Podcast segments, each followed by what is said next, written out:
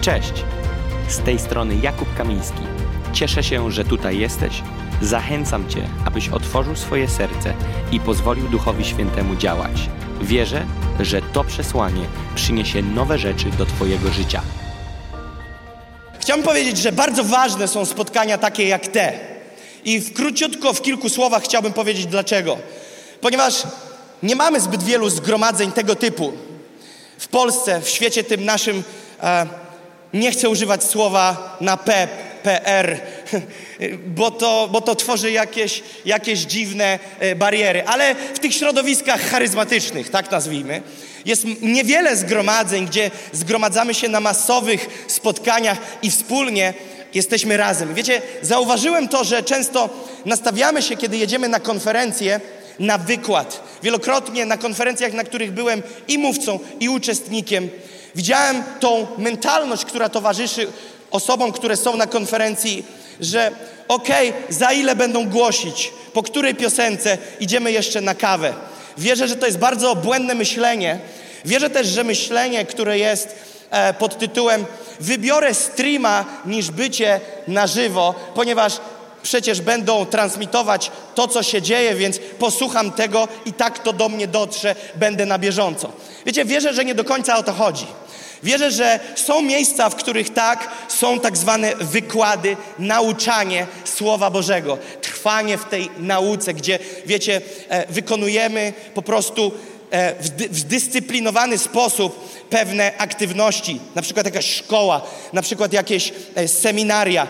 One gdzieś tam bardziej trochę kwalifikują się do tego, że mniej tego problemu jest z tym, jeżeli jest to robione online. Ale kiedy są spotkania, w których celem jest zgromadzić się wspólnie na uwielbieniu jako Boży lud, kiedy celem jest spotkać się razem i doświadczać Pana, kiedy celem jest, aby wyjść poza mury swojego lokalnego kościoła, to wierzę, że jest to istotne i ważne i dlatego dziękuję Wam, że odpowiedzieliście na to wezwanie, które wierzę Duch Święty włożył w Wasze serca, aby być tutaj razem. Amen? Wiecie, to nie jest wymysł Nations on Fire, to nie jest wymysł mój. Kiedy czytasz Biblię, trzy zwroty wam powiem, które od razu wam się przypomną. W Biblii są zwroty takie jak zbierz cały lud. Pan mówił nieraz, zbierz cały lud. Innymi, w innym miejscu mówił, przyprowadź cały lud. Jeszcze w innym mówił, a gdy zebrał się cały lud. A więc to są fragmenty, które kojarzycie i znacie. Jest też napisane, że kiedy Jezus w Nowym Testamencie chodził, jest napisane co? A tłumy zgromadzały się. A więc one zgromadzały się w imieniu Jezus. One zgromadzały się dla Jezusa. Imię Jezusa przyciągało tłumy. I tak, imię Jezusa jest pomiędzy dwoma i trzema. Imię Jezusa jest w Twojej komorze, ale jest ten wymiar, gdzie spotykamy się jako Boży lud, jako Boży ludzie i jest to istotne i ważne, abyśmy rozumieli wagę tych spotkań. Dlatego jestem bardzo podekscytowany, że możemy być razem. Wiecie, przygotowujemy się do tego od roku. Ja, ja dzisiaj już mam notatki na This is Our Time 2024. Wiecie, ta sesja, którą wiem, że otwieram konferencję, zdaję sobie sprawę, jak ważna ona jest, bo ona pewnego rodzaju kładzie kierunek, kładzie fundament. Z tym pierwszym przesłaniem słuchamy tych kolejnych e, wykładów. I wiecie, chciałbym, żebyśmy e, słuchali tego jako wierzę kierunek, który Duch Święty nadaje nam dzisiaj, w tym dniu. Nie chodzi mi o piątek, chodzi mi w tej godzinie, w której żyjemy, w tym czasie, w tym sezonie, w którym jesteśmy jako Polacy, jako Europa. Amen? Wiecie, e, chciałbym Was od razu e, zabrać do Ewangelii Świętego Łukasza, 11 rozdziału, 29 wersetu. Ponieważ kiedy się modliłem o This is our time, cały czas zadawałem pytanie Panu, Panie, czego Ty pragniesz? Ponieważ to nie jest za bardzo istotne w kontekście tego kraju, czego ja pragnę, jeżeli moje pragnienia nie są Twoimi pragnieniami. Więc ja mówię, Panie, czego Ty pragniesz? Jakie jest Twoje serce dla naszego kraju? Oczywiście kocha nas, chce nas mieć bliżej, to jest jasne i oczywiste. Ale mówię, Boże, jakie masz pragnienie dzisiaj dla naszego kraju? Jakie, jakie jest twoje, twoje, twoje myśli? Jakie masz Twoje myśli dzisiaj o nas? To jest bardzo ważne pytanie. I wiecie, i Bóg zabrał mnie do właśnie Łukasza 11, 29. Zacznie się trochę e, mocno, ale później będzie już z górki. A gdy się tłumy zbierały, zaczął mówić słowa Jezusa. Pokolenie to jest pokoleniem złym. Znaku szuka, ale inny znak nie będzie mu dany, jak tylko znak Jonasza. Wiecie, zdaję sobie sprawę, że na takiej konferencji jak te, to nie jest dobry werset, żeby zaczynać od tego wersetu. Ale wiecie, co ja mam zrobić, jak ja ten werset dostałem? To nie znaczy, że jesteśmy pokoleniem przewrotnym, ale chciałbym pójść z tego wersetu. A więc zobaczcie, oni mówią, chcielibyśmy zobaczyć jakiś znak, coś, coś chcielibyśmy zobaczyć, a Jezus im mówi, nie będzie ci dany, nie będzie wam dany w tej godzinie inny znak, jak tylko znak Jonasza. I wiecie, dużo jest tej parafrazy i interpretacji, co to jest ten znak Jonasza. Jest kilka szkół, które mówią o kilku e, kierunkach, jak można by było to zrozumieć i zaaplikować do życia. Ale ja chciałem przeczytać Księgę Jonasza, bo może coś tam znajdziemy. Więc wiecie, w Księdze Jonasza, w trzecim rozdziale, w wersetach od 1 do 5 jest napisane tak. Słowo Pana tej treści powtórnie doszło Jonasza, ponieważ te same słowo jest w pierwszym rozdziale, w wersetach pierwszych, ale tu jest powtórnie doszło Jonasza. Wstań, udaj się do Niniwy, tego wielkiego miasta i zwiastuj mu poselstwo, które ci przekazuję. Wtedy Jonasz wstał i udał się do Niniwy według słowa Pana. A Niniwa była bardzo wielkim miastem, na trzy dni drogi pieszej. A Jonasz rozpoczął wędrówkę do miasta, odbywając drogę jednego dnia i wołał tak. Jeszcze czterdzieści dni pozostaje do zburzenia Niniwy. Wtedy obywatele Niniwy uwierzyli w Boga, ogłosili post i oblekli się we włosiennice, wielcy i mali. Zobaczcie, co się dzieje w wersecie dziesiątym, a więc Jonasza 3,10. A gdy Bóg widział ich postępowanie, że zawrócili ze swojej złej drogi, wtedy użalił się Bóg na ich nieszczęścia, które postanowił zesłać na nich i nie uczynił tego. Zobaczcie, jaki fenomen. A więc ja mam wrażenie, że to Jonasz był znakiem, który przyniósł poselstwo, słowo Pana. Co się zadziało w Niniwie, gdybyśmy mieli zarejestrować, co było przed przylotem komety Jonasz, a co było po przylocie komety Jonasz? Co się wydarzyło przed Jonaszem? Co było przed Jonaszem? Co było po Jonaszu? Jakiego, jakiego przesłanie typu niósł Jonasz?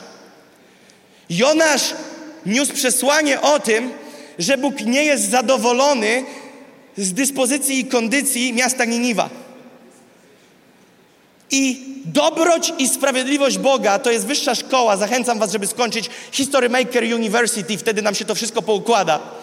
Ale wiecie, ciężko to zrozumieć te zdanie, które wam teraz powiem, ale dobroć i sprawiedliwość Boża domaga się sądu.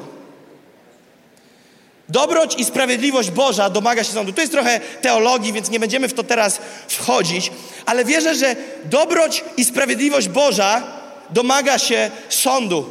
I teraz jest wyrok, ciężki wyrok nad Niniwą. Jest ciężki wyrok nad Niniwą i mamy sytuację, w której Bożym celem nie jest, aby ten ciężki wyrok spadł na ich głowy. Wyrok na nich ciąży, ale Bożym planem nie jest, aby ten wyrok na nich spadł. Więc wysyła Jonasza i mówi: Upamiętajcie się. I teraz co się dzieje? Niniwa się upamiętała. Królowie, król w Niniwie ogłosił: Pościmy, bierzemy popiół, bierzemy wory pokutne, odwracamy się od tego, jak żyliśmy. I co zrobił Pan? Pan odwrócił się gniewem tyłem do nich plecami. I zobaczcie, nie uczynił tego. I werset w rozdziale czwartym, werset dziesiąty i jedenasty mówi tak.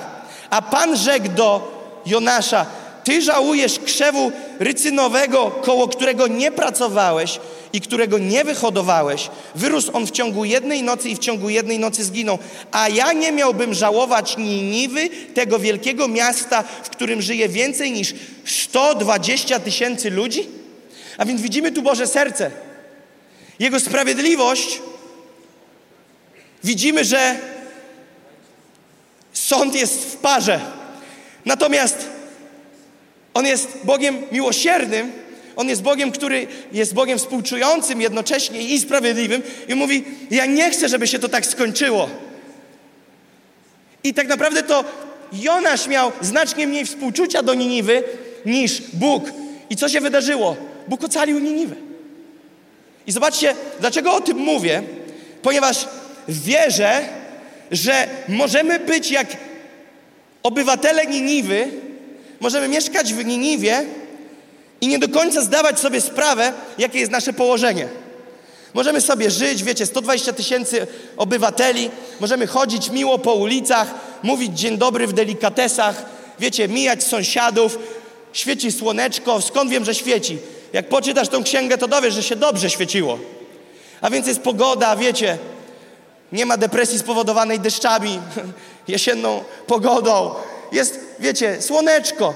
I można by było tak ululać się trochę, uspać i powiedzieć, wszystko gra. Ale Jonasz mówi, nic nie gra, panie i panowie. Będzie tutaj gruba zadyma za 40 dni, jeżeli czegoś nie pozmieniacie. I zobaczcie, te słowo ukierunkowało ich działanie. I wiecie, ja wierzę, że Bóg chce posyłać nam swoje słowo, ponieważ Jonasz poszedł i powiedział, takie jest słowo Pana, pamiętacie? A więc widzicie, Jonasz poszedł na słowo Pana. To nie były słowa Jonasza, to były słowa Pana wypowiedziane przez Jonasza. I widzicie, on poszedł na słowo Pana, a słowo Pana ma moc. I teraz ja wierzę, że my jako Polska, my jako Europa musimy działać na podstawie słowa Pana. I my musimy słyszeć jakieś słowo Pana i musimy wiedzieć, jakie jest słowo Pana do Warszawy, jakie jest słowo Pana do Polski, jakie jest słowo Pana do Europy, jakie jest słowo Pana do mojego kościoła. Ja muszę to wiedzieć, bo chcę na podstawie tego słowa działać. I wierzę, że jest pewne słowo nad Polską, które Pan chce wypowiedzieć. I jak tego nie popsuje, to być może dobrze wyjdzie. A więc, kochani, Ezechiel, księga Ezechiela, Księga Ezechiela jest bardzo ciekawą księgą. Wiecie, Księga Ezechiela przede wszystkim widzimy na pierwszym planie poza Bogiem, widzimy Ezechiela. I Ezechiel to kapłan żyjący w Jerozolimie podczas pierwszego ataku Babilończyków. Jak wiecie, Babilon najechał na Jerozolimę. Załatwili świątynię, zbezcześcili to wszystko, był dramat. I teraz zobaczcie, co jest co jest dalej? Uprowadzają do niewoli do Babilonu. Ludzie z Jerozolimy, z miasta Bożego, są uprowadzeni do Babilonu. I wśród tych uprowadzonych jest Ezechiel. Ezechiel jest tym, który jest uprowadzony do niewoli. I teraz wiecie, zastanawiam się nad jedną rzeczą. Jak to jest, że Biblia mówi, że my mamy być głową, nie ogonem, prawda? Mamy być głową, nie ogonem. A lud Boży znajduje się w miejscu bycia uprowadzonymi jako niewolnicy. Czy coś tu nie gra? Bo dla mnie wiele tu nie gra. Nie wygląda mi to, nie brzmi to jak głowa. Mam wrażenie, że Babilon to głowa, a Izrael to ogon. Mam wrażenie, że przeciwnicy ludu Bożego, mam wrażenie, że ci, którzy mieli być pod rządami ludu Bożego są nad ludem Bożym i mamy kłopot. To jest jakieś zachwianie. Tak nie powinno być. Jeżeli myślisz, że diabeł ma na tyle poweru, żeby panować nad ludem Bożym, to się mylimy. Diabeł nie ma tyle poweru. Diabeł jest na pozycji przegranej. Jakże więc jest, iż dochodzi do sytuacji, w której Kościół chodzi bez mocy, w której Kościół chodzi bez Bożego działania? Ponieważ tu nie chodzi o to, żeby być bitym przez moce ciemności, być bitym przez wroga i mówić, Pan zwyciężył. Rozumiecie? Nie chodzi o to, że wyznanie nie ma zaprzeczać faktom. I teraz zobaczcie, co, co, jest, co jest za sytuacja. Ezechiel przebywający w Babilonie, nie w Jerozolimie, w Babilonie, ma wizję chwały Bożej. Teraz chwała Boża przecież była w Jerozolimie. Pytanie moje brzmi tak: co robi chwała Boża w Babilonie? Przecież chwała Boża była w Jerozolimie. Ale chwała Boża opuściła Jerozolimę. Opuściła świątynię. To jest kosmos, ale to jest napisane w Słowie Bożym i zaraz to zobaczymy. Więc on ma wizję chwały Bożej. Chwały Bożej, która powinna być w Jerozolimie, w świątyni, ona ukazuje mu się na wygnaniu w niewoli w Babilonie. Chwała Boża opuściła świątynię, opuściła Jerozolimę, Jerozolimę ze względu na, i to jest kluczowe, ze względu na tragiczny stan Jerozolimy. I teraz nie chodzi o ulice miasta, chodzi o tych, którzy po tych ulicach chodzili, a więc chodzi o Boży lud. Ze względu na tragiczny stan ludu Bożego, Boża chwała opuściła świątynię, opuściła Jerozolimę. I teraz, kiedy mowa jest o chwale Bożej, to teraz przenieśmy się na chwilę do roku 2023. Okay? Wyjeżdżamy stamtąd, z Jerozolimy, z Babilonu, jesteśmy w 2023 roku.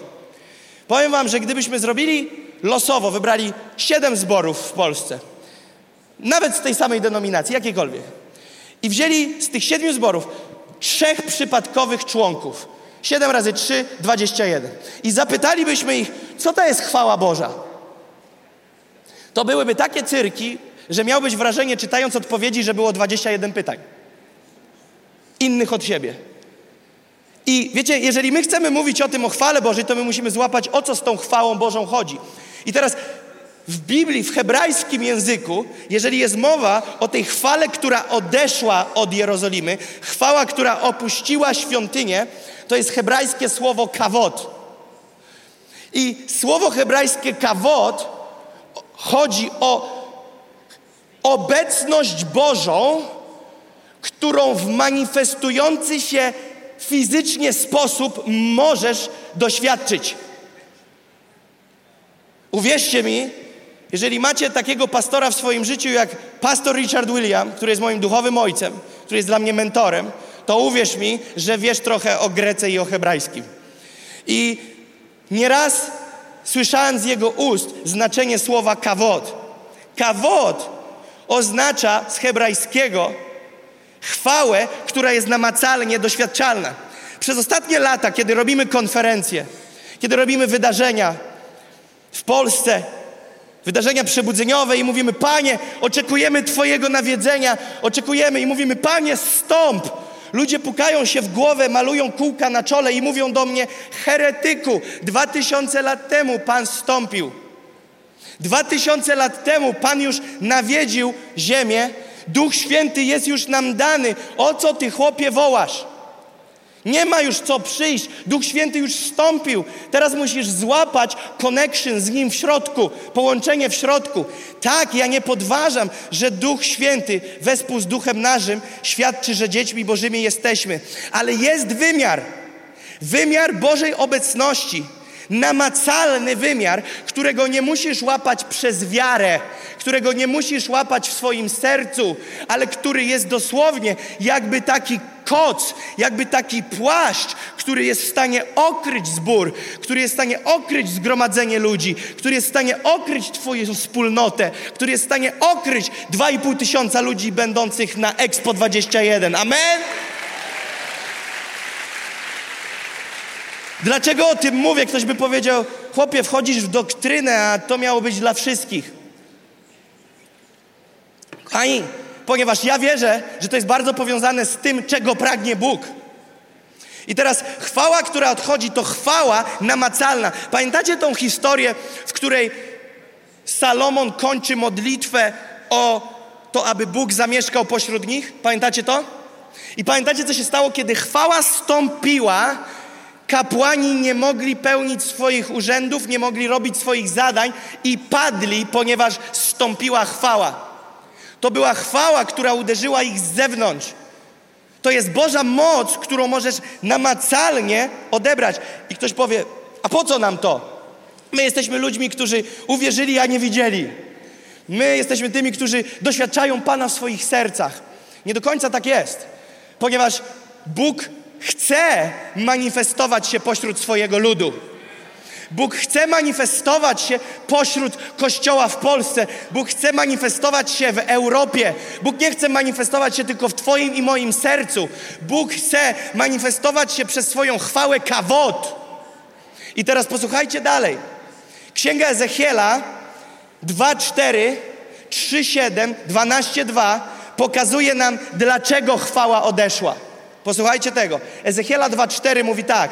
Do synów o zuchwałej twarzy i nieczułym sercu, do nich Cię posyłam, a Ty mów do nich. Tak mówi Wszechmocny Pan. Do jakich ludzi On ich posyła? Do jakich ludzi Bóg posyła Ezechiela? Do synów o zuchwałej twarzy i nieczułym sercu. Czy nie jest to dramatyczny stan, w którym lud Boży ma nieczułe serce i zuchwałą twarz, to nie brzmi jak lud Boży. To brzmi antypostawie, jaką Bóg prezentuje i chce, abyśmy prezentowali. A więc Ezechiela 3,7 co mówi nam dalej? Lecz dom izraelski nie będzie chciał Cię słuchać, bo oni nie chcą mnie słuchać, gdyż cały dom izraelski ma czoło zuchwałe i serce nieczułe. Bóg wskazuje to drugi raz. I Ezechiela 12:2 mówi tak: Synu człowieczy, mieszkasz pośród domu przekory, który ma oczy, aby widzieć, a jednak nie widzi, ma uszy, aby słyszeć, a jednak nie słyszy, gdyż to dom przekory. Wiecie, co mi to pokazuje? Możesz mieć oczy i mówić, że masz oczy. Możesz mieć uszy i mówić, że słyszysz, ale Biblia mówi, że Bóg nie był dla nich widzialny i słyszalny, ponieważ ich nieczułe serca i zuchwałe czoła sprawiły, że mając uszy nie słyszą, mają oczy, a nie widzą. Kiedy postawa naszego serca jest niewłaściwa, kiedy postawa nasza wewnątrz, kiedy nasze usposobienie względem Boga jest niewłaściwe, wtedy wchodzimy w miejsce, w którym mówimy: A ja Boga nie słyszę. A co ty słyszysz? Tryliony razy, taka parafraza w cudzysłowie. Miliony razy ludzie mnie pytają: Ty naprawdę tego Boga słyszysz? Bo ja nic. Ludzie wierzący 10 lat, 20 lat, 30 lat mówią: Ja Boga nigdy nie słyszałem. Widzisz, to nie znaczy, że On nie mówi. Może Twoje uszy nie są w stanie Go usłyszeć, a Twoje oczy Go zobaczyć i Ty nie jesteś w stanie Go doświadczyć, bo być może nasza postawa naszego serca jest niewłaściwa. I ja wierzę, że Pan do nas mówi, że my w swoich kościołach, w swoich zgromadzeniach lokalnych, eklezjach, na naszych grupach, w naszych krajach, gdzie się spotykamy, my, Bóg chce, Bóg pragnie zbliżyć się do nas. Bóg chce objawić nam więcej siebie. On chce objawić nam więcej swojej potęgi, swojej chwały, swojej mocy. I Kościół może nawet tego chcieć i o to wołać, ale jeżeli grunt nie jest właściwie przygotowany, Bóg nie może odpowiedzieć na to wołanie. Bo niektórzy nie wołają, no to tu jest sprawa bardzo prosta, ale są grona, które wołają i nie mają odpowiedzi. Wiecie, był taki fragment w Izajasza, dosyć brutal, że oni tam się szykują na, wiecie, ofiary, spotkania, nabożeństwo kleją, a Bóg mówi, zabierzcie swoje kadzidło, zabierzcie swoje ofiary, mam je w obrzydzeniu, nie chcę na to patrzeć, bo wasze serca są niewłaściwie upozycjonowane. A widzicie, możemy się zgromadzić, możemy zgromadzać się w naszych zborach, możemy zgromadzać się na konferencjach, możemy nawet zazwać konferencję, nie wiem czy taka jest, jak jest, to przypadkiem trafiam, Panie przyjdź! Zrobimy konferencję, Panie przyjdź! I przyjedziemy wszyscy i powiemy, Panie przyjdź! Ale jeżeli nasze serce nie zostanie skruszone, jeżeli nasza buta i pycha nie zostaną złamane, Bóg nie może nawiedzić naszego kraju. I oczywiście, że Bóg w swojej łasce chce się przebijać przez te wszystkie mury. On to robi, ale my naprawdę mu niekiedy utrudniamy zadanie. A więc w jakim miejscu znajduje się lud Boży, który dla nas w Starym Testamencie, patrząc na Nowy Testament, reprezentuje Kościół? Znajduje się w miejscu, w którym nie widzi i nie słyszy Boga. To jest tragedia, jeżeli lud Boży nie słyszy Boga. Jest coś nie tak. Tak nie może być. On jest dobrym pasterzem. Pasterz dobry to taki, który kiedy prowadzi, to te owce go widzą, słyszą, wiedzą, gdzie idziemy. A wiecie, owce stoją i ktoś przynosi kartkę i mówi, ty, podobno pasterz nasz prowadzi. Dobra, to idziemy. I wszyscy naraz poszli w innym kierunku. Bo nie wiedzą, gdzie jest pasterz, co mówi, gdzie prowadzi. Dlaczego? Bo nie słyszymy. I później mamy kłopoty, bo nie możemy dosięgnąć tego, co jest dla nas przygotowane dla naszego kraju. A więc ponawiam pytanie, które zadawałem Panu w ostatnich miesiącach. Panie, czego Ty pragniesz? Czego Ty pragniesz? I Bóg mi wyraźnie mówił, aby mój lud, aby mój Kościół, aby moja oblubienica przygotowała się na moje nadejście. Nie chodzi tylko o powrót, chodzi o Jego inwazję. Chodzi o Jego inwazję nad krajem. Amen? A więc następnie czytamy bardzo smutne wersety i rozdziały. Mamy sąd, mamy spustoszenie, mamy wstyd, mamy hańbę i nieszczęście nad Izraelem. Tragiczne położenie. To jest dramat. I Ezechiel ma mówić, nawoływać, ostrzegać, robi sceny na ulicach. Bóg mówi: idź, rób sceny, pokaż, jesteś reprezentantem tego, jak Boży lud wygląda. I powiedział mu, co ma robić. Wiecie, co Bóg powiedział do Ezechiela? Że ma się położyć i leżeć na jednym boku 390 dni. Ma leżeć na jednym boku 390 dni, jedząc z ziemi. I Bóg mówi: tak wygląda Izrael. 390 dni Ezechiel leży na boku, jest podłogi, je trawnik, cokolwiek on tam jadł. Nie wiem, co on jadł. Bóg, Bóg pokazał hańbę nad Ezechielem i mówi, tak wygląda mój lud. A po 390 dniach przewrócił go na drugi bok i mówi, teraz leżysz 40 dni na drugim boku. Jak dobrze słuchaliście tego, co mówiłem z Jonasza, to tam było, że za 40 dni będzie wielkie spustoszenie w Nieniwie. Pamiętacie? Przed chwilą czytałem, nie będę do tego wracał. A teraz znowu pojawia się obszar czterdziestki. Ezechiel mówi, teraz 40 dni, te 40 dni coś reprezentują. Bo Biblia, czterdziestka, jak w Biblii poczytasz i miałbyś połączyć z jakimś obrazem, to 40 oznacza oczyszczenie, oznacza też przygotowanie na nadejście obietnicy, na wypełnienie się obietnicy.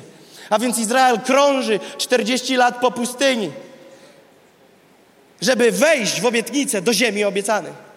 A więc cyfra 40 oznacza przygotowanie, oczyszczenie przede wszystkim, bo przygotowanie bez oczyszczenia nie jest przygotowaniem. I rozdział ósmy Księgi Ezechiela pokazuje nam główne powody, które przeważają o najgorszym. O tym, że chwała pańska, kawot, manifestująca się chwała, namacalna chwała opuszcza Jerozolimę. I teraz muszę na sekundę, wierzę, że zrobię to w krócej niż minutę, że powiedzieć, co, o co chodzi z tą chwałą.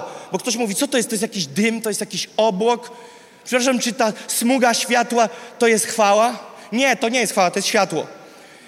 Chwała to jest nic innego jak Bóg we własnej osobie.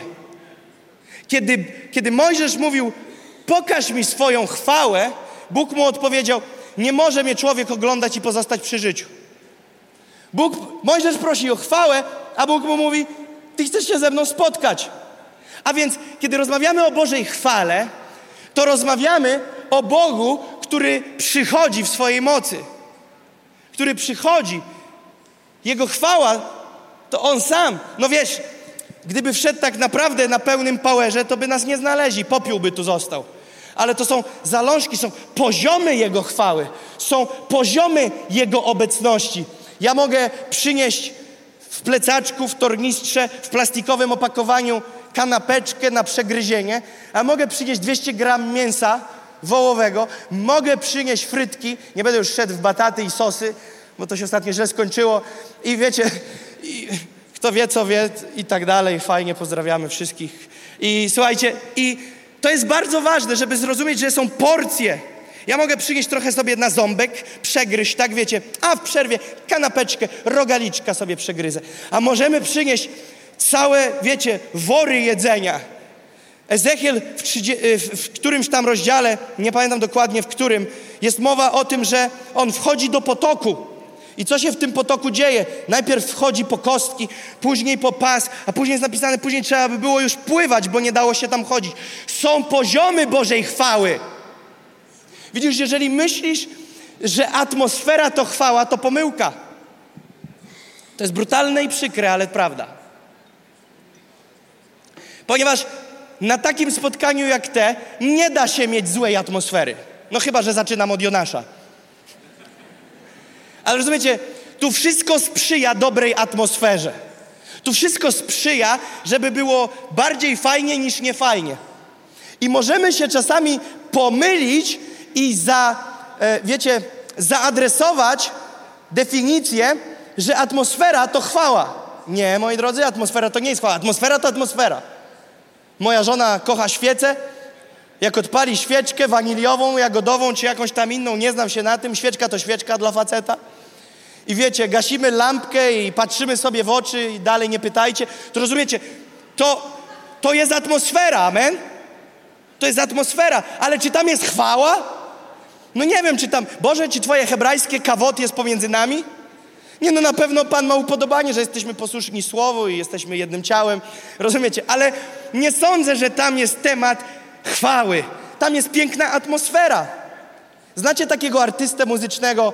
Większość filmów takich Interstellar i te inne są z jego podkładem, Hans Zimmer. On zagra i wiecie, gdyby zespół chrześcijański to zabrał, zagrał, ludzie by myśleli, że tu szekajna glory spadła, że tu się zaraz hala zapali.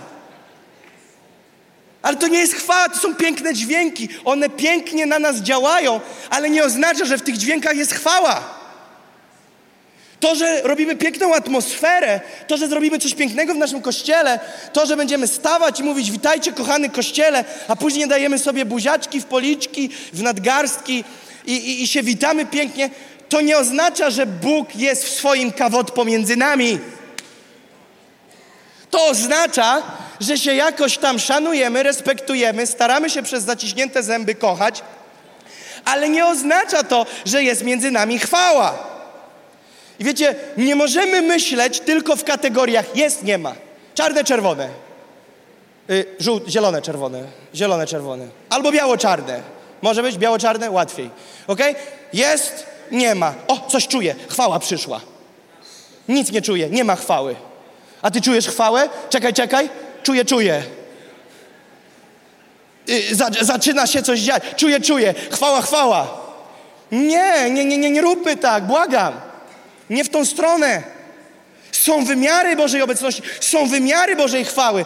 I zobaczcie, a więc jakie są powody, że chwała kawot, czyli sam Bóg opuścił tą imprezę. Wyszedłeś kiedyś z jakiegoś spotkania, bo ci się nie podobało, bo cię wkurzyli, zgorszyli, zasmucili, zawstydzili. Nie ma tu prawdopodobnie osoby, która się nie zawinęła z jakiegoś spotkania. Naprawdę każdy się zawinął, nie raz.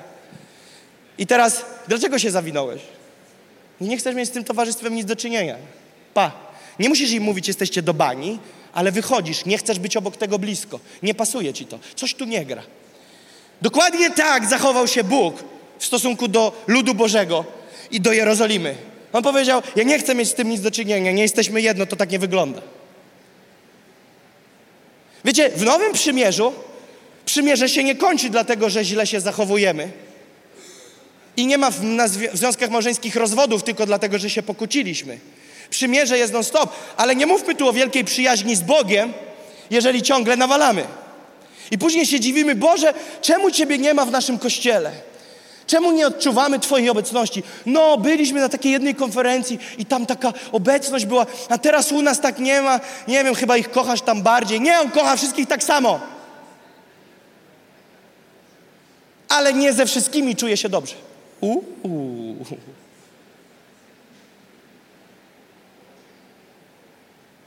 I zobaczcie rozdział 8 Ezechiela, werset od, 16, od 6 do 18. Mówi nam o powodzie tego, co się stało. I rzekł do mnie, synu człowieczy, czy widzisz, co oni robią? Pomyśl sobie, jak zranione jest serce Boga. Czy ty widzisz, co oni robią? Czy ty widzisz, co robi mój lud? Ja czasami, jak już nie wyrabiam na pewne obszary gdzie jestem zniecierpliwiony, to mówię do kogoś z naszego teamu obok mnie, czy ty widzisz, co oni robią? Czy, czy ty widzisz, co tu się odwala? I Bóg mówi do Ezechiela, tak jakby znalazł sobie bratnią duszę trochę, tak jakby znalazł kogoś, przed kim może się otworzyć. Zatrzymam się na chwilę. Czy Bóg może się przed tobą otworzyć?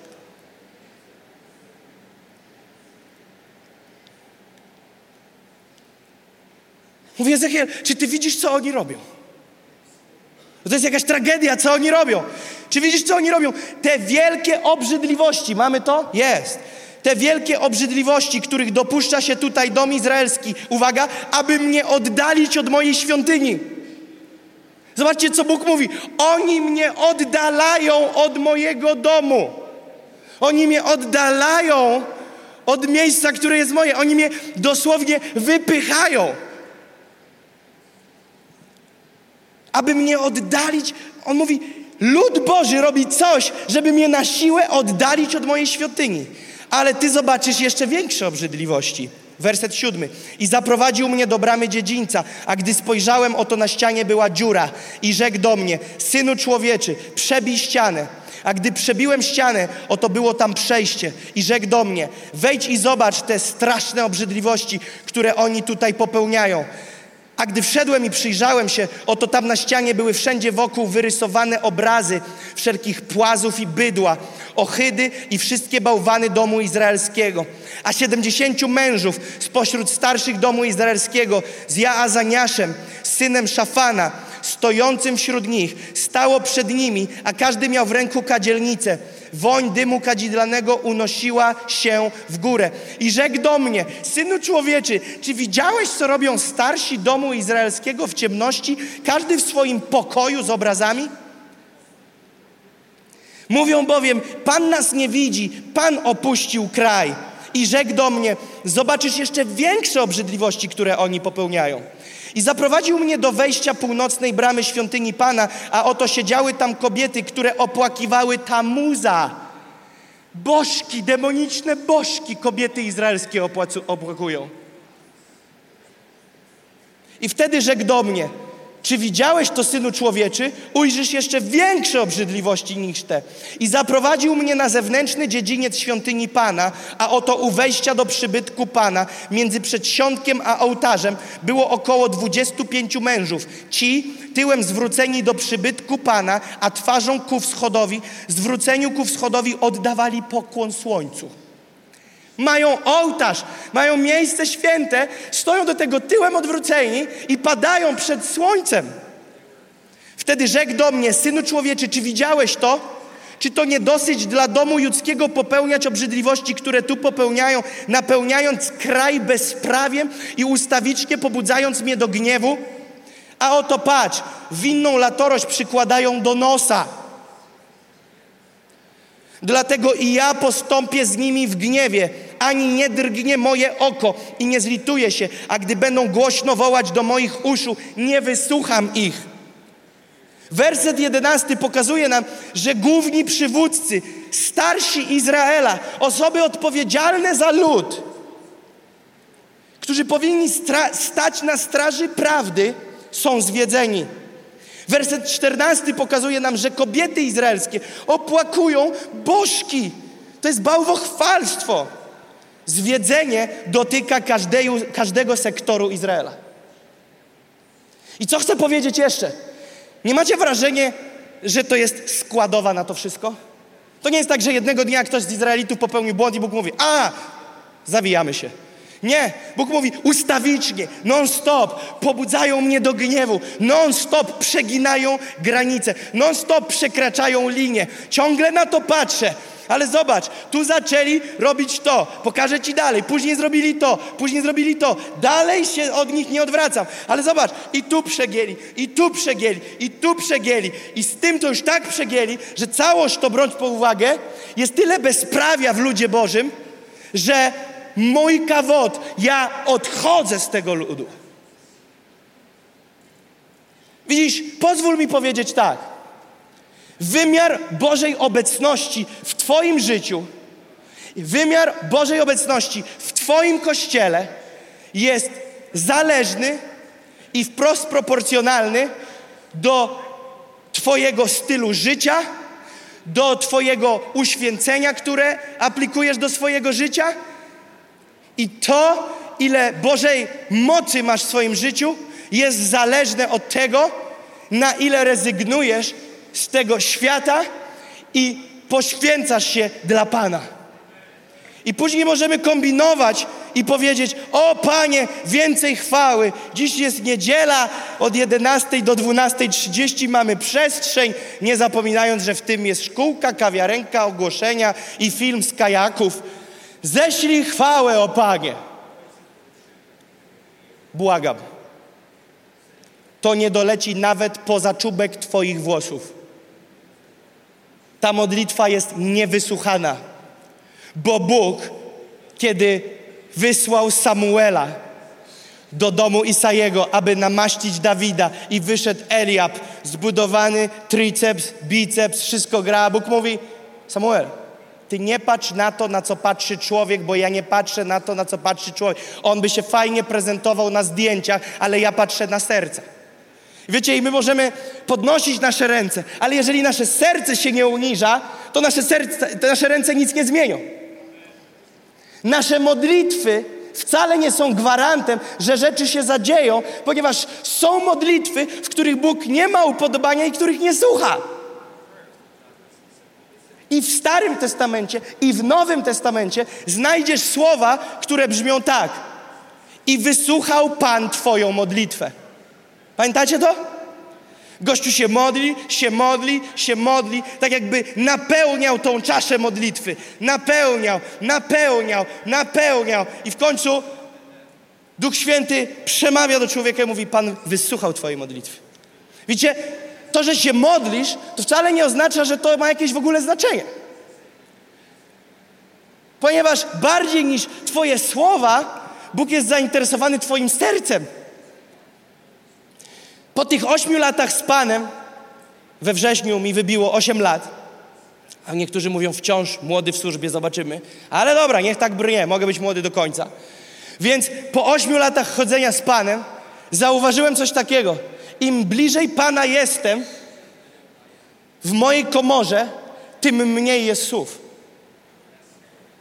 Bo relacja z usta usta przenosi się na serce serce. To nie oznacza, że jeżeli dużo mówisz w swojej komorze, to nie masz bliskości z Panem. Ja mówię o sobie, o moim doświadczeniu z Panem. Wcześniej chcesz mu tak wiele powiedzieć i tak próbujesz mu udowodnić, że warto tego posłuchać. Ty myślisz, że im głośniej będzie, to tym bardziej doleci? Co nie zaprzecza temu, że są miejsca, w których mamy podnieść okrzyk chwały. Widzisz, Bóg chce działać w naszych sercach, ale i nawiedzić nasz kraj swoim kawod. I wiecie, widzimy tutaj tragedię w ludzie, w lud, u, u ludu Bożego, ale Ezechiela 8,6 jest dla mnie najgorszym wersetem. I rzekł do mnie, synu człowieczy, czy widzisz, co oni robią? Te wszelkie obrzydliwości, których dopuszcza się tutaj dom izraelski, aby mnie oddalić od mojej świątyni. Teraz wyobraź sobie, że twój paszport nie jest żadnym z tych 32 krajów, które wyczytaliśmy, że masz paszport izraelski i jesteś w tamtych czasach. I wyobraź sobie, że Bóg tak na boku zrobił taką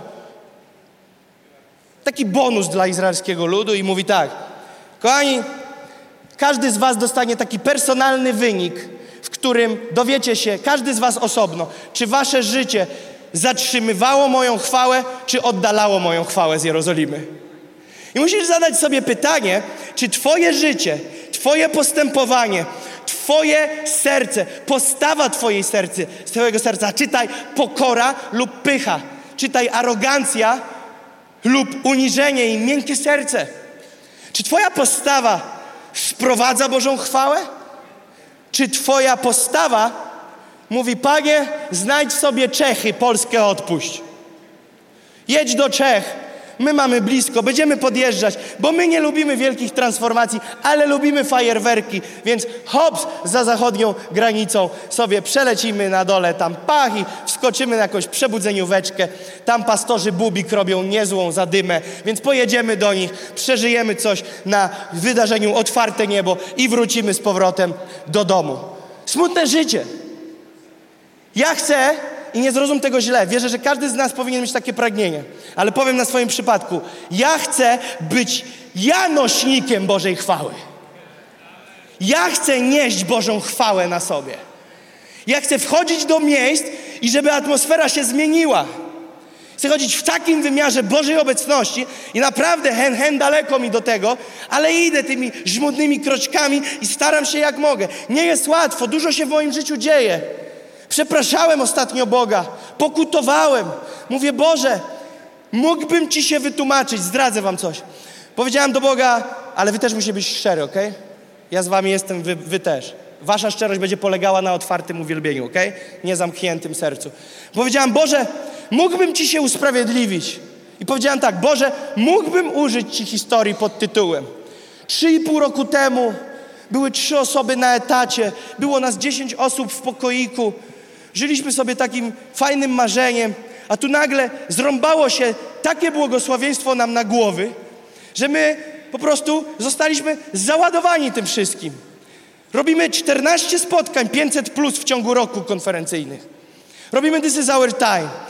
Jesteśmy na różnych kontynentach w ciągu jednego roku. Mam rodzinę, mam małe dzieci, mam żonę. I, i, I mógłbym Ci to wszystko powiedzieć, Panie, chyba rozumiesz, chyba, chyba to jesteś w stanie z, zrozumieć, to wszystko dla Ciebie. Mówię, Boże, nie chcę tego używać, bo jeszcze przypadkiem by to zabrzmiało, jakbym narzekał. Boże, biorę wszystko, co masz dla mnie, dawaj więcej, ale przepraszam Cię za jedno.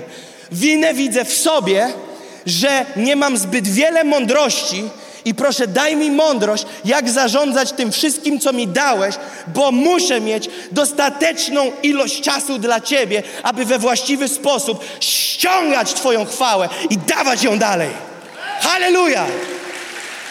Widzicie, jeżeli myślisz, że Boga ucieszy i On powie, nie synu, przestań, Ty tyle dla mnie robisz. Nie tę Biblię czytamy.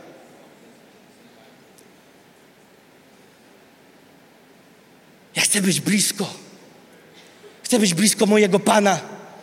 Nie chcę być w chwale Bożej nad pastorem Wojtkiem, chwale Bożej nad pastorem Richardem.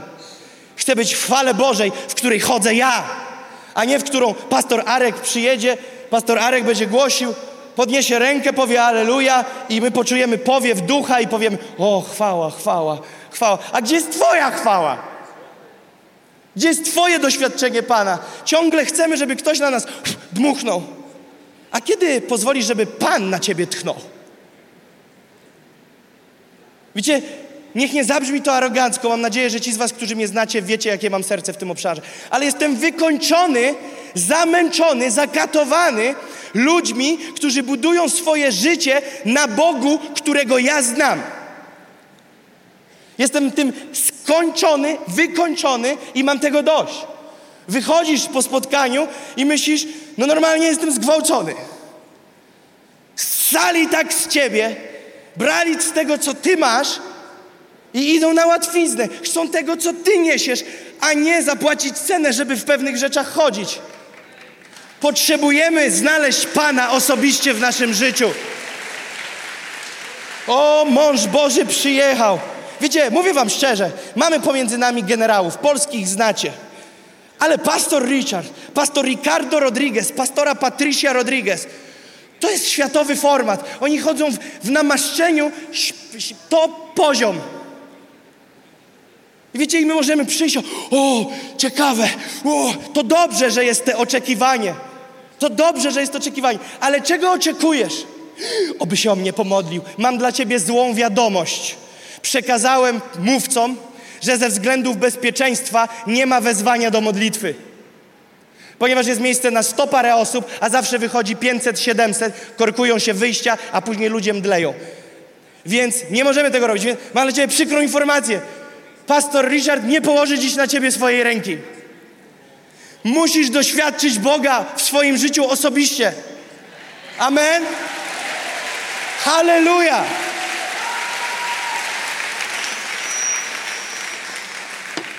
A więc Kościół wypchnął ze świątyni Bożą obecność. Izrael usuwa swojego Boga ze, z jego świątyni. Jeśli nie ma kawot, jeśli nie ma Bożej obecności w naszym życiu i w Kościele, dzieje się tak dlatego, że lud, że Ty i ja oddalamy Pana od siebie na własne życzenie. Przez co? Kilka słów praktycznych. Przez bałwochwalstwo, nieposłuszeństwo, nieczystość, krnąbrę serca, nieszczere serca, ohydę i obrzydliwość, nieprawość, nieszczere, podwójne życie. Bóg nie liczy ci timingu w momencie, kiedy wchodzisz do kościoła i przed wejściem jeszcze z łokcia żonę i mówisz uśmiechnij się, jesteśmy w kościele. Witam bracie, witam siostro, a żona mówi co za po prostu pajac.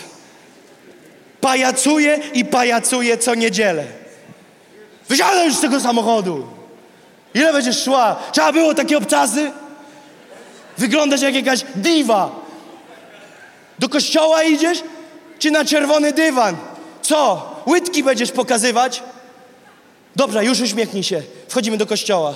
Musimy zrobić dobre wrażenie. Przecież wiesz, że pastor chce nas nami- namianować na zastępców. Zepnij się trochę. W przyszłym sezonie będziemy prowadzić grupę domową. Musimy trochę wyglądać. Oczyść swoje serce, a reszta będzie rezultatem. Halleluja.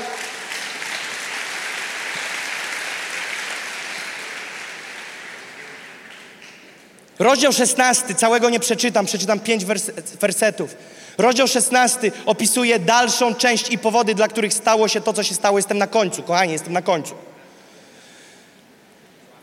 Werset 14 mówi tak, rozdziału 16.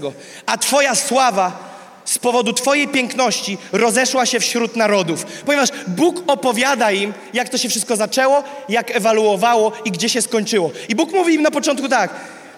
Byliście biedni, byliście nadzy, nie mieliście nic, podniosłem was z kałuży krwi, tak Bóg im powiedział. Byliście niczym, nikim, to ja was podniosłem z kałuży krwi. I werset 14 mówi tak, a twoja sława, ponieważ Bóg nadał im sławę, z powodu twojej piękności, Bóg uczynił ich pięknymi.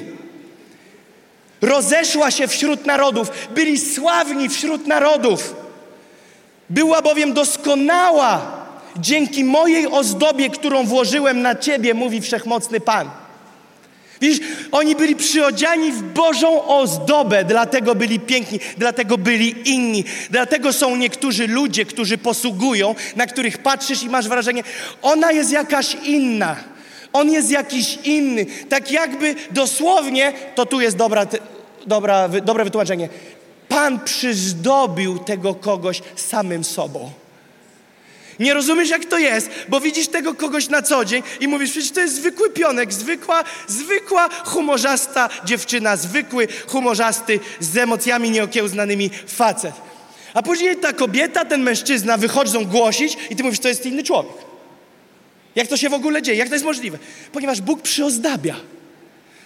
Bóg przyozdabia. I im więcej się mu ukorzysz, im więcej się mu uniżysz, on cię bardziej przyozdobi. Pamiętaj, co się dzieje. Bóg ma w interesie wynosić swój lud, wynosić swoich ludzi. On szuka ludzi, którym może zaufać i chce ich wynosić. Biblia mówi, Bóg wielce wywyższył Dawida. Dlaczego? Bo Bóg chce wywyższać swoich ludzi. On chce ich wynosić wyżej. On chce dawać im rozpoznanie. On chce dawać im promocję. Dlaczego? Ponieważ taka jest kolej rzeczy. Jesteś nisko przed Panem, kładziesz się przed Panem, nie wariujesz i zaczynają być ozdoby Boże nad Twoim życiem. Stajesz się coraz piękniejszy, zaczynasz się wyróżniać. On nie kocha Cię bardziej, ale zaczynasz być wyróżniony z powodu tego, co On na Ciebie włożył. I wtedy zaczyna palma strzelać. Bo werset 15 mówi tak, proszę bardzo, po 14 jest 15 i już się roller coaster zbliża do dołu. Wystarczyło tylko trochę pobyć pięknym, kilka klejnotów od Pana dostać i patrz, co się w 15 dzieje. Dramat. Ale zaufałaś swojej piękności i pewna swojego sławnego imienia uprawiałaś nierząd i hojnie darzyłaś sobą każdego przechodnia i oddawałaś mu się. Werset 22. I we wszystkich swoich obrzydliwościach i wszeteczeństwach nie pamiętałaś o dniach swojej młodości, gdyż byłaś naga i goła i tarzałaś się w swojej krwi. Werset 25. Na każdym rozstaju dróg budowałaś swe miejsca ofiarne i hańbiłaś swoją piękność. Rozkładałaś swoje nogi przed każdym przechodniem i pomnażałaś swoje wszeteczeństwo. Brutal. Bóg mówi, taki jest wasz stan. Tak wygląda mój lud dzisiaj. Tak wygląda mój lud. I Księga Ezechiela mówi nam w 33 rozdziale, 11 wersecie Powiedz im, jako żyw, mówi Wszechmocny Pan, nie mam upodobania w śmierci bezbożnego. Znowu to samo. Znowu to samo. Znowu Bóg mówi, jest dramat, jest tragedia, nie mogę na to patrzeć, nie ma mojego kawot, ale nie chcę, aby umarli. To jest ta miłość Boża, której ja nie kumam. Ja bym już dawno huknął piorunem. A więc zobaczcie, a jednak, a jednak jest ta łaska, a jednak jest te miłosierdzie, a jednak jest ta miłość, która nie jest za krótka, ale do tańca trzeba dwojga. Ezechiela 22:30. A więc Bóg mówi: Dobra, zmienimy coś, coś zamieszamy, będzie zmiana, nie zostawimy tego tak. Ale zobacz, co się dzieje. 22:30. Szukałem wśród nich męża, który by potrafił wznieść mur i przed moim obliczem stanąć w wyłomie, wstawiając się za krajem, abym go nie zniszczył, lecz nie znalazłem. Bóg mówi: Ja mam ochotę, mam radość w tym, załatwimy coś, zrobimy, ale muszę mieć jakiegoś gościa. No, no się za kogoś muszę zaczepić. I mówi: Szukałem po całym ludzie. Pomyśl, jaki dramat. Po całym ludzie Bóg szuka i mówi, nie ma ani jednego. Ezechiel, nie ma nikogo. Tu wszyscy odlecieli. Teraz, gdybyśmy zrobili sondę w czasach Izraela i powiedzieli, czy zakładasz opcję, że kiedy Bóg będzie szukał jednego w całym ludzie, znajdzie czy nie znajdzie? Myślicie, że więcej głosów byłoby na to, że nie znajdzie? Większość by powiedziała, no nie, no ja i moja żona to na pewno nie, ale na pewno są tacy, którzy tak. Niespodzianka, ani jeden. Pytanie w dzisiejszych czasach. Dajmy ten werset. Bóg chce zrobić coś z naszym krajem. Chce, aby ten cały nowoczesny syf, cała ta Sodoma i Gomora, aby wdarła się do Polski. Zgadnij, kto to zatrzyma. Kościół. Tylko Kościół może to zatrzymać.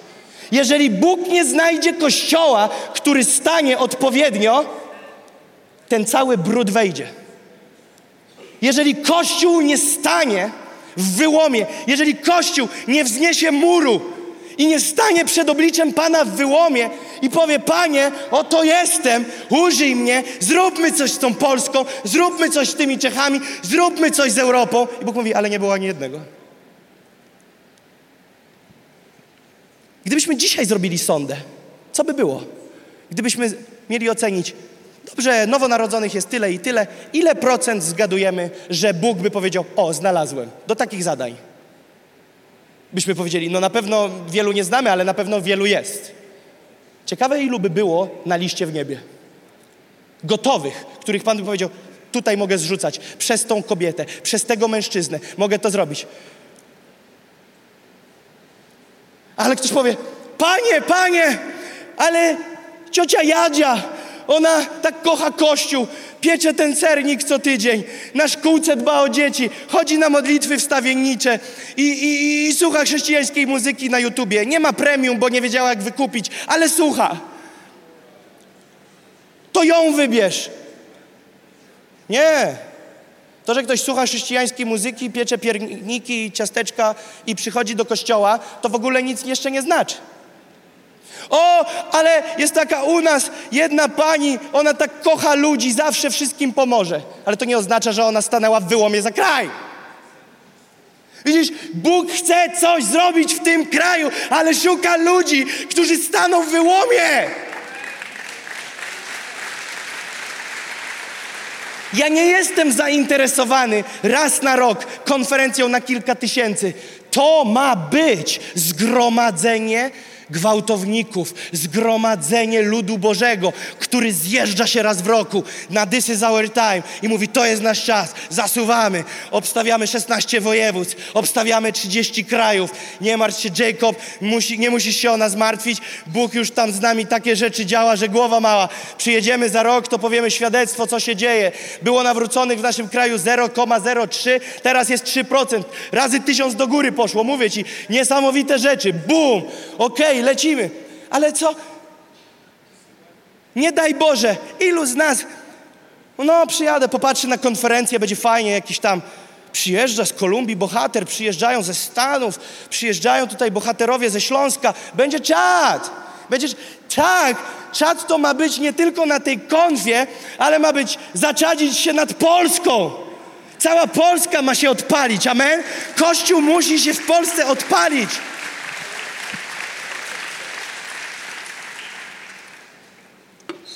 Księga Ezechiela 11, 17, 21. Ta pierwsza sesja jest najdłuższa. Dlatego mów, tak mówi wszechmocny Pan. Zbiorę was spośród ludów i zgromadzę was z krajów. Co robi Pan? On ich odbudowuje. Jak? On ich zgromadza. A. Jesteśmy zgromadzeni, kościele. Zgromadzamy się tutaj. Zgromadza nas z różnych miejsc, z różnych miast, z różnych krajów. Schodzimy się razem. Dlaczego? Bo czujemy, jeszcze nie wiemy jaka to piosenka, ale już czujemy, że niebo coś pyka. Jeszcze nie umiemy powiedzieć, czy to polka, czy to polones. Nie wiemy, czy to szybkie, czy to wolne, ale już coś zaczyna grać. I jedziemy za tym, za tym dźwiękiem. Ten dźwięk nas ciągnie, ten dźwięk w duchu, te duchowe dioko, te poruszenie Boże w środku, ono nas ciągnie. Nie wiemy dlaczego. Kurczę, bez żadnych wielkich nazwisk znanych w Polsce, takich, że wiecie, czytamy ich i obserwujemy w książkach Boży Generałowie. Bez wielkich nazwisk mamy dwa siedemset prawie osób. Coś tu się dzieje, lud się zgromadza. Wiecie dlaczego przez cztery edycje This is our time? Bo to jest czwarta. Nigdy nie zaprosiliśmy tak zwanego wielkiego nazwiska?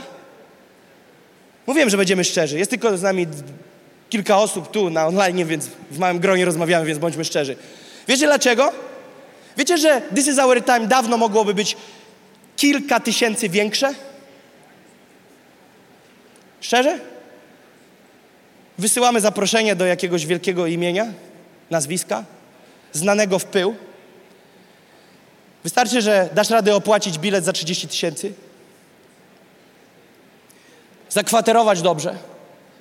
Nie mówię, że kupujemy mówcę, ale jeżeli jesteś gotowy spełnić pewne wymagania, powiedzieć największe zgromadzenie w Polsce w świadku takim charyzmatycznym, protestanckim, zwał jak zwał, pokazać zdjęcie, wideo z tego, co było, powiedzieć, że to nie jest lokalne działanie, wierzę, żeby przyjechali.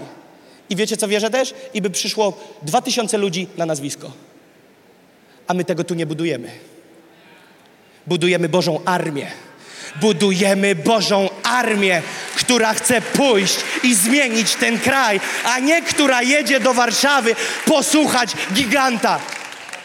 Gigant jest Jezus. I tak są wielcy Boży ludzie, są wielkie persony Boże i tak chcemy pić z ich namaszczenia. I powiedziałem mojemu bratu, który jest event director, dobry event zrobił, nie? Zaklaskajmy dla Tomka. Gdzie jest Tomek?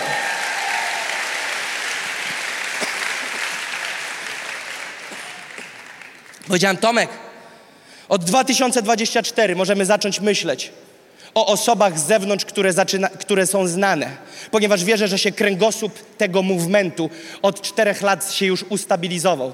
Powoli mamy te DNA, o które chodziło. Nie jedziemy na rozrywkę, nie jedziemy na nazwisko, jedziemy na wezwanie Boże. Czwarta edycja, więc mówię, możemy teraz zacząć czerpać od tych dużych nazwisk i brać z tego wielkiego namaszczenia nad ich życiem, ale nie mogliśmy zrobić tego zbyt wcześnie, bo ludzie by przyjeżdżali jak na wesołe miasteczko. Sztuką nie jest zrobić wielką konferencję, uwierzcie mi. Trzeba mieć trochę ludzi, kumatych, trochę doświadczenia. Znaczy, dobra, trudne to jest, ale. Natomiast chcę powiedzieć, że jest to dostępne. I wystarczy, że znajdziesz personę, na którą ludzie przyjadą i możesz zrobić konferencję na trzy koła ludzi, pięć koła ludzi, siedem koła ludzi. I to jest ok, bo takie konferencje też są potrzebne. Ale spotkałem w toalecie na przerwie wielu ludzi na jednej takiej konferencji dużej, gdzie byłem uczestnikiem i mówię, czad ten człowiek głosi, nie? Petarda. A ludzie w kibelku mi odpowiadają. I liderzy tam byli, i jakiś tam pastor, jeszcze ktoś mówi, ja już kończę z tymi konferencjami, mam tego dość. Ile można słuchać o tym wszystkim, że to jest dostępne i nic się nie dzieje. Nie będziemy już jeździć na te konferencje. Nie wmurowało w kibel. I coś pękło. 2017, 2018. Coś się przebiło w naszym kraju. Się pożygać już można było za przeproszeniem konferencjami. Ci z was, którzy wiedzą o czym mówię, to wiedzą o czym mówię. Bania konferencji pękła w 2018. Ludzie powiedzieli dość opowieści. To nie znaczy, że ci, którzy przyjeżdżali, nie byli prawdziwi. Ale nasze postawy często nie były ok. Przyjeżdżaliśmy, o, normalnie biegliśmy jak do Tamuza do tego bożka, co te kobiety izraelskie padały. Biegniemy, niech mnie dotknie. Tak, ja wierzę, że może ten człowiek coś uwolnić, ale zaczęliśmy bardziej ścigać inne nazwisko niż nazwisko Jezus Chrystus. I to był przypał. I to trzeba zmienić. I trzeba zacząć myśleć, nie, Ameryka nie zrobi za nas roboty, nie, Ameryka Centralna, Północna, Środkowa, Południowa, jaką tam chcesz sobie, nikt za nas roboty nie zrobi. My w swoim miejscu, na swojej glebie, na swojej ziemi, na Polsce i Europie, my mamy zrobić tą robotę. My mamy ją zrobić i my ją zrobimy. Come on! Kochani, to już cztery lata tego typu treści. Musicie uwierzyć, my nie drzemy ryja, bo chcemy was podkręcić. My wierzymy w to. My w to wierzymy. My w to wierzymy. Ja za to chcę życie oddać, aby tu powstała armia w tym kraju, która stanie w wyłomie i zdobędzie ten kraj. Come on!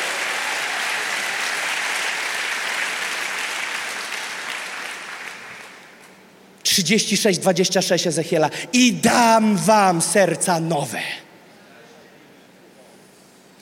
I dam wam serca nowe, i ducha nowego dam do waszego wnętrza, i usunę z waszego ciała serce kamienne, a dam wam serce mięsiste. A więc co Bóg robi? Wywraca ten problem od korzenia.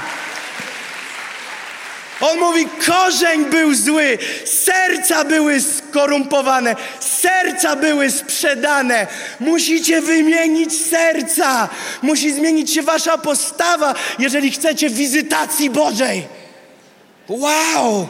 A więc Bóg chce wrócić do Jerozolimy. Bóg chce wrócić do świątyni. Boża chwała chce wrócić. Pan chce wrócić. Boża obecność chce wrócić do każdego kościoła lokalnego w Polsce. Amen? Czy ktoś w to wierzy?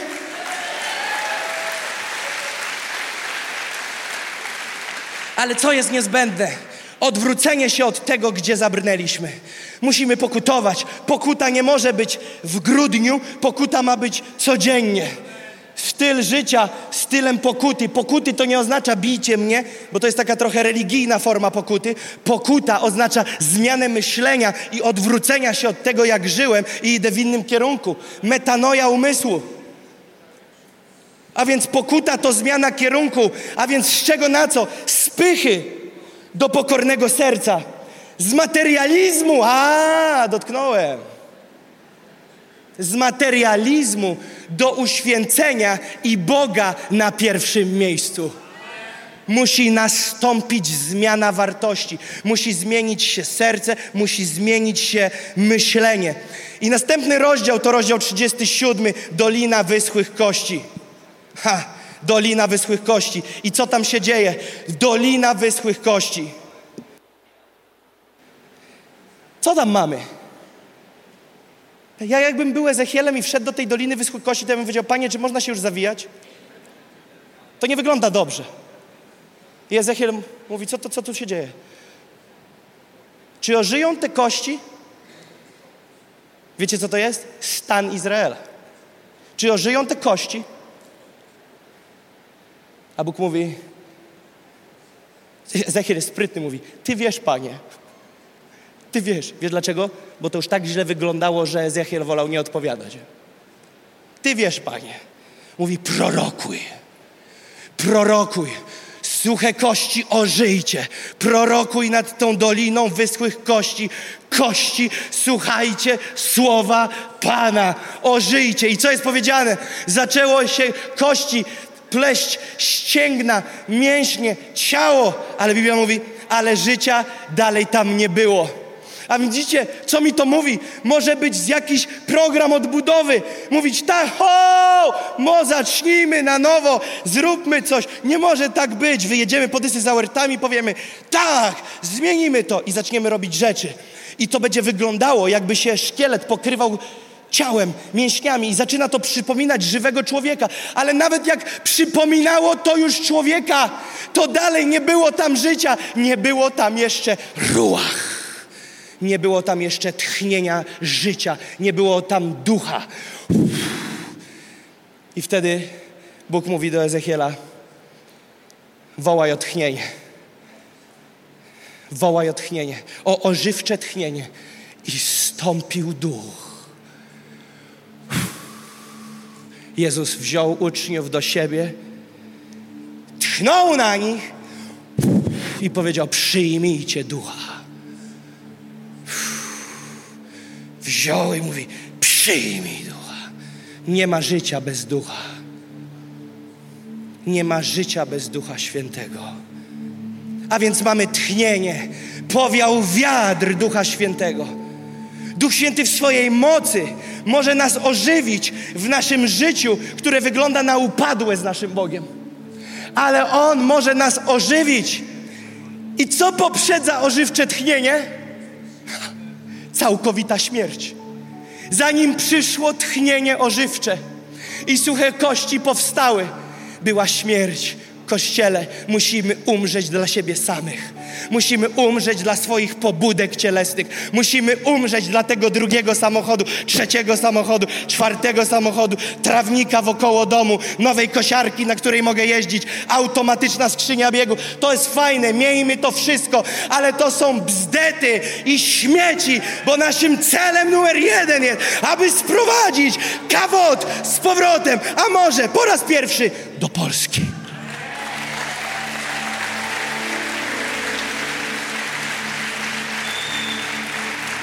A więc ponawiam pytanie, Panie, czego pragniesz? Wierzę, że Pan pyta, czy chcesz przyjąć dzisiaj świeży powiew ducha. Musisz zdecydować, czego chcesz, bo każdy powie, chce świeżego powiewu ducha. Ale kochani, Duch Święty potrzebuje lądowiska. Duch Święty potrzebuje lądowiska. Chcesz prawdziwej chwały Pana, czy półblasku tego świata? Czego pragniesz? Czego dzisiaj chcesz? No nie, no też chwały chcę, Panie, Ciebie, Twojego działania w życiu naszej wspólnoty i tak dalej. I wiesz, zajęlibyśmy się tym, ale sam wiesz, jaki trudny sezon jesteśmy. Nie mamy na to teraz w tej chwili czasu. Nie mamy teraz za bardzo na to czasu. Druga księga Kronik 7:4 i to jest końcówka. I ukorzy się mój lud, który jest nazwany moim imieniem i będą się modlić i szukać mojego oblicza i odwrócą się od swoich złych dróg, to ja wysłucham z niebios i odpuszczę ich grzechy i ich ziemię uzdrowię. Ziemia polska, ziemia krajów europejskich, tym się zajmujemy, potrzebuje uzdrowienia. Jest skażona skażona mocami demonicznymi, skażona ciemnością, skażona narkotykami, skażona samobójstwami, skażona rozwodami, skażona upadkiem, upadamy, jest coraz gorzej. Z pokolenia na pokolenie jest coraz większy dramat. Ta ziemia potrzebuje uzdrowienia. I Kościół mówi: Tak, panie, chcemy uzdrowienia. A pan mówi: Jeżeli chcecie, to ukorzy się mój lud. A więc jesteśmy ludem. Zeszliśmy się razem. Ukorzy się mój lud nazwany moim imieniem i będą się modlić nie na konferencji raz, nie na kwartał, ale będzie modlitwa stylem życia, bo Biblia mówi: Mój dom będzie nazwany domem modlitwy, powiedział Jezus. Mój dom będzie nazwany domem modlitwy. A więc la, razem lud, który jest nazwany Bożym będzie się modlić i co? Szukać oblicza. Szukać oblicza. I odwrócą się. Wiesz, po czym poznasz, że szczerze szukasz Pana? Odwracasz się od swoich złych dróg. Jesteś inny, bo go szukasz i może jeszcze w pełni nie znalazłeś, ale te momenty szukania, te krople żywego deszczu, te powiewy Ducha Świętego nad Twoim życiem już cię zmieniają. Ty już nie walczysz z tym, to jest Twoim owocem. To jest Twoim owocem. A więc szukasz. Wiecie, dlaczego dzisiaj jest tyle przewrotności wśród kościoła? Ile zła, ile niewybaczenia, ile kłótni w kościołach, ile takich, wiecie, wojenek, bo Kościół nie szuka oblicza Pana. Możesz mi opowiadać, ale Kazik uderzył Jarka. Zabieraj mi tą historię. Nie szukacie Pana. Gdybyście szukali Pana, mielibyście bojaźń Bożą. I tak, jakieś dziwne wynalazki zawsze się wydarzą. Tak było zawsze, jest i będzie. Przypały różne, przepraszam za słowo, ale mówię jak jest, się różne dzieją, działy i dziać będą. Ale kochani, to nie może stać się dla nas standardem. A więc my musimy zacząć szukać Bożego oblicza. A więc pokorne i skruszone serce, skoncentrowane na Bogu, a nie na tym świecie, jest lądowiskiem dla kawot Bożej chwały. Jeżeli chcesz w swoim życiu, aby Duch Święty mógł na Tobie lądować regularnie, zapalać nad Tobą więcej ognia, rozpalać Cię, rozpalać, aby oliwa się przelewała przez Twoje życie, musisz się uświęcić. Katrin Kuhlman stała, fizycznie chwała nad nią jaśniała i podniosła rękę i mówi tak. It cost me everything. Powiedziała, to kosztowało mnie wszystkiego. Stawała i ludzie byli uzdrawiani, wstawali z wózków. Nie mamy dużo cudów dziś. Są przejawy, ale nie jest to regularne.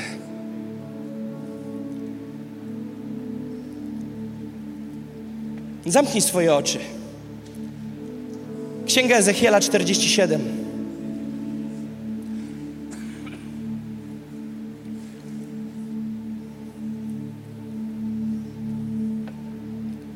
To jest końcówka księgi Ezechiela. Historia kończy się tak.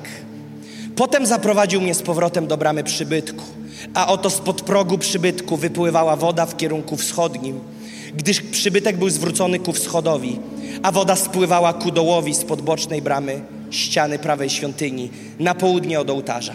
Potem wyprowadził mnie przez bramę północną i oprowadził mnie wokoło drogą zewnętrzną do bramy zewnętrznej, zwróconej ku wschodowi, a oto woda wytryskiwała z południowej strony. Mamy wodę. Jezus mówił, jeżeli kto pragnie, niech przyjdzie do mnie, niech woła, a z jego wnętrza wytrysną wody rzeki wody żywej. A gdy ten mąż ze sznurem mierniczym w ręku wyszedł w kierunku wschodnim, wymierzył tysiąc łokci i kazał mi przejść przez wodę, która sięgała mi do kostek.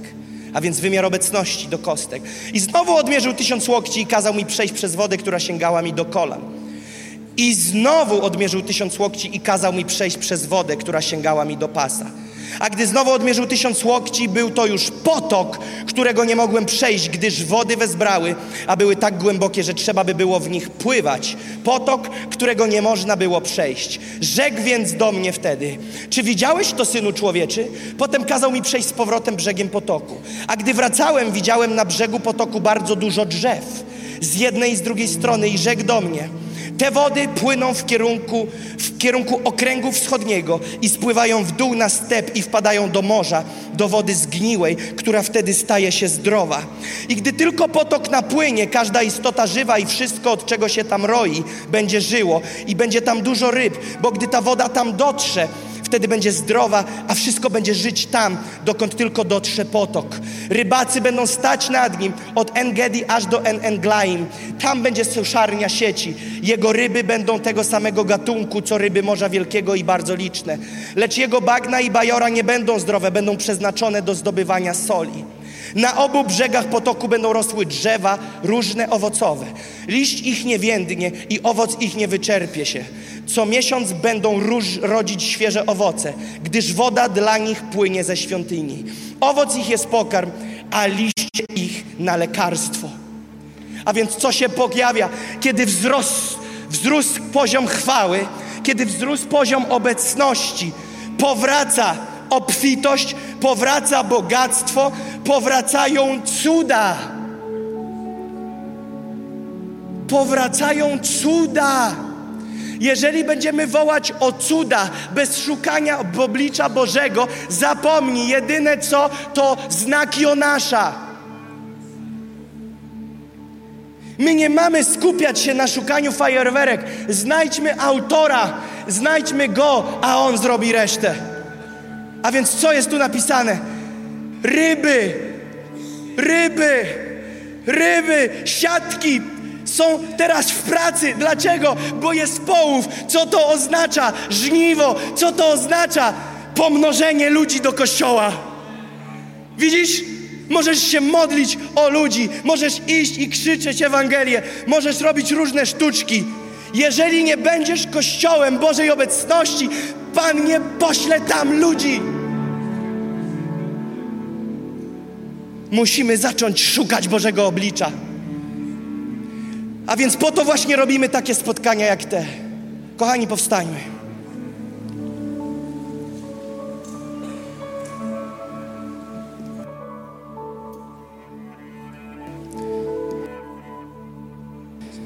Dlatego robimy takie spotkania. Posłuchajcie, kochani, to jest bardzo ważne. Czytam słowa, które zapisałem, kiedy się modliłem, bo muszą one wybrzmieć. Po to robimy takie spotkania jak te, aby powiedzieć Panu: Panie, potrzebujemy Ciebie jako Kościół w Polsce. Potrzebujemy Ciebie w naszym kraju. Panie, Polska Ciebie potrzebuje, Europa Ciebie potrzebuje. Po to się ludu Boży zgromadziliśmy. Po to się schodzimy. Nie robimy konfy dla konfy. Ja nie jestem konferencjerem. Ja, ja nie bawię się w konferencję. Ja nie mam na to czasu. Myślisz, że to jest fenomenalne uczucie robić krok wiary na ponad milion złotych z takim wydarzeniem? To się siwizny może nabawić. Po co to robimy? Zgromadzamy lud Boży. Tak naprawdę to Pan nas wszystkich zgromadza, a my tylko idziemy za Jego głosem. A więc czego pragnie Bóg? Po raz ostatni zapytam. Nawiedzić Polskę. Pan chce, jestem tego przekonany na trylion procent, chce nawiedzić Polskę. On chce też widzieć rozkochany Kościół w Nim, w Jego osobie, w Jezusie Chrystusie. Oraz chce zobaczyć, nasz Pan chce zobaczyć jak najwięcej zgubionych ludzi przychodzących do Niego, wracających w objęcia Ojca ze śmierci do życia. Polsko, Europo, idą zmiany. Czy w to wierzysz, czy nie? One idą. Patrzyłem na tych ludzi, co tu stali podczas uwielbienia. 90% ludzi młodsi ode mnie. Mówię, panie, stoi armia, stoi ekipa. Ale tu nie potrzeba tylko młodych, ani tylko doświadczonych. Potrzebujemy jako lud Boży stanąć razem. Musimy jako lud Boży czerpać z doświadczenia tych, u których widać siwy włos. Tak mówi Biblia. Brać tą energię, tą pasję, tą gorliwość od młodych, złączyć siły i pójść do przodu. Jeszcze raz to powiem. Polsko, idą zmiany. Zmiany nadchodzą. Prognoza pogody mówi, że będzie padać. Prognoza duchowa mówi, że będzie padać deszcz Bożej obecności. Modlę się, aby to przesłanie zaprowadziło Cię do zwycięskiego życia z Jezusem. Zajrzyj na moje media społecznościowe, gdzie możesz dowiedzieć się więcej o służbie Nations on Fire lub wesprzeć nas finansowo. Pozostajmy w kontakcie.